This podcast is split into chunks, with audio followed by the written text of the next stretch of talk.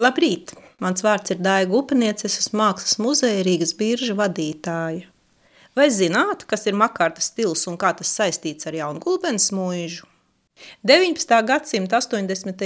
gados Jaungulbens mūžas īpašnieku un mākslas kolekcionāru Paulu Fontranzē Rozeneku sajūsmināja austriešu gleznotāja Hansa Makārta iedibinātais krāšņais vīnes augstākās sabiedrības dzīves stils. Pēc mākslinieka un šarmantā vīnes modes noteicēja Hansa Makārta pāragrās nāves, Tranzē izmantoja izdevību un izsolē nopirka Makārta vēlīnā perioda darbus, kā arī atsevišķus Makārta ateljē priekšmetus. Te būtu laiks noskaidrot, kas tad īsti bija šis Makārta stils, pēc kura tik ļoti tiecās vīnes sabiedrība. Pirmais vārds, ar ko to varētu raksturot, tas ir daudz, ļoti daudz, tik daudz, ka pat vairāk nav vietas. Otrkārt, tā ir nostalģija pēc sendienām, īpaši pēc renesanses un baroka. Un treškārt, tā ir eklektikas augstā dziesma vispārākajā pakāpē.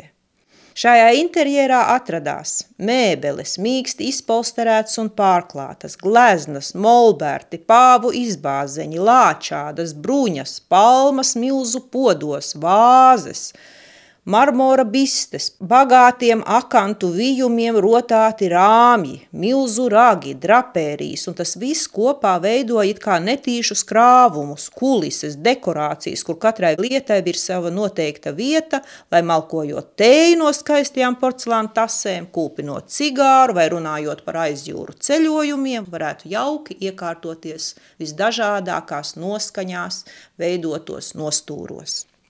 Makārta stils tas bija ne tikai viņa izsmalcinātais salons, ko viņš atklāja 1871. gadā, viņa Grand Atelier, bet arī vīnas sabiedrībai bija pazīstama tāda jēdziena kā makarta stila cepures, viņa samta kamzoļi vai lielās makarta buķetes, ko veidoja pāvu spalvas, zari un smilgas. Šajā atmosfērā pavisam viegli varēja piedzimt vīnes karnevāli, te iederējās arī vakariņas, kuru abažūru gaismā veidojās vai nu dramatiska vai romantiska noskaņa, te iederējās arī lieli skaisti galdi pārpilni ar eksotiskiem augļiem, un, protams, tas viss atspoguļojas arī makarta glezniecībā. Pārsvarā tika gleznotas milzu izmēra daudzfigūru kompozīcijas, pārsātnāts ar ķermeņiem, skaistumu, lietām, dinamiku. Portretos sievietes uzplauka kā ziedi, zaigoja kā pērles. Viens no mūsu kolekcijas darbiem tā arī saucās pērle. Lieki teikt, ka makartas stilu, par ko sajūsmā bija pat imperators Francis Jozefs I un viņa skaistā sieva Sisī, sāka kopēt gan Austrijā, gan arī aiz tās robežām. Vai jūs, piemēram, zināt, ka makārta stilam tūl bija arī viņa drauga Riharda Vāgnera villa un slavenais Freida pacientu kabinets?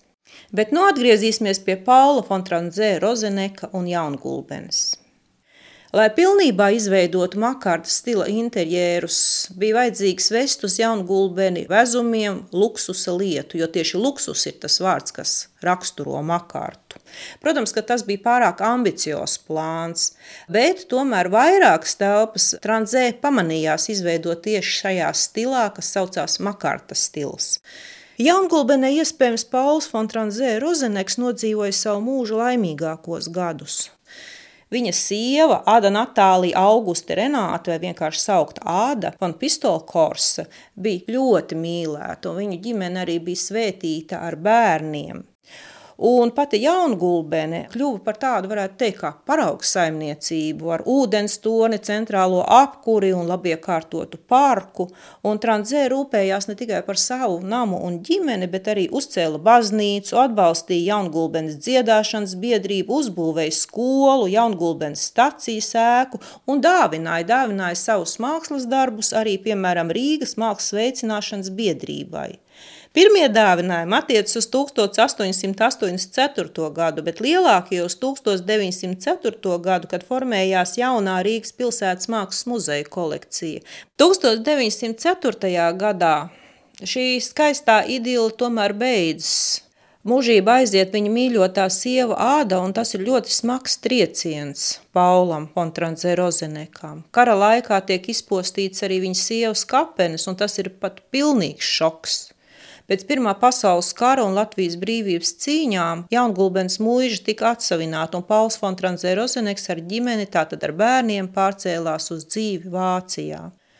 Mākslas kolekcija sākotnēji tiek pārvesta uz Rīgu un diezgan ilgu laiku arī ir deponēta pilsētas mākslas muzejām. Šo kolekciju piedāvā arī nopirkt, bet 20. gadsimta 20. gados abiem mākslas muzejiem komplektēšanas politikā prioritāte ir latviešu māksla. Līdz ar to šo kolekciju Berlīnē sāk izpārdot. Ne visam var izsakot, kur palika tranzē gleznas. Pirmkārt, ir zināmi visi tie darbi, kas palika Rīgā, kas tika uzdāvināti. Tas ir 31 mākslas darbs, kas atrodas Mākslas muzejā Rīgas biržā. Un šeit tas galvenā dāvinājuma daļa ir tieši tie darbi, kas 1904. gadā tika uzdāvināti Rīgas pilsētas mākslas muzejām. Bet ir divas gleznas, kuras mēs esam atraduši, kur viņas ir nokļuvušas. Giovanni Batistas ķēpalo glezna dievmāte ar bērnu atrodas Springfieldas mākslas muzejā, kā Džeimsa Filipa Greja kolekcijas darbs. Un Lukasa Krānaha vecākā darba Venēra un Amors medus zaglis, 1530. gada kopija, ko visticamāk agrā jaunībā gleznojas Krānahs jaunākais, atrodas Metropoles mākslas muzejā Ņujorkā. Arī šeit tiek uzrādīta cita kolekcija, netranzē kolekcija. Tā ir banķiera Roberta Lēmaņa kolekcija. Tātad cilvēki, kuru ģimenes nopirka vai vēlāk pārpirka tranzē kolekciju darbus. To, ka tie bija tranzē kolekcijā, var zinām tikai mēs. Pauls Fontranzē Rozeneks ir miris 1928. gada 15. aprīlī Berlīnē, bet viņa jaunākā meita, visu mīlule Benita – Jaungulbenē mīļi saukta mazā bitīte, nodzīvoja ļoti garu mūžu, bet tas vairs nebija saistīts ar Latviju.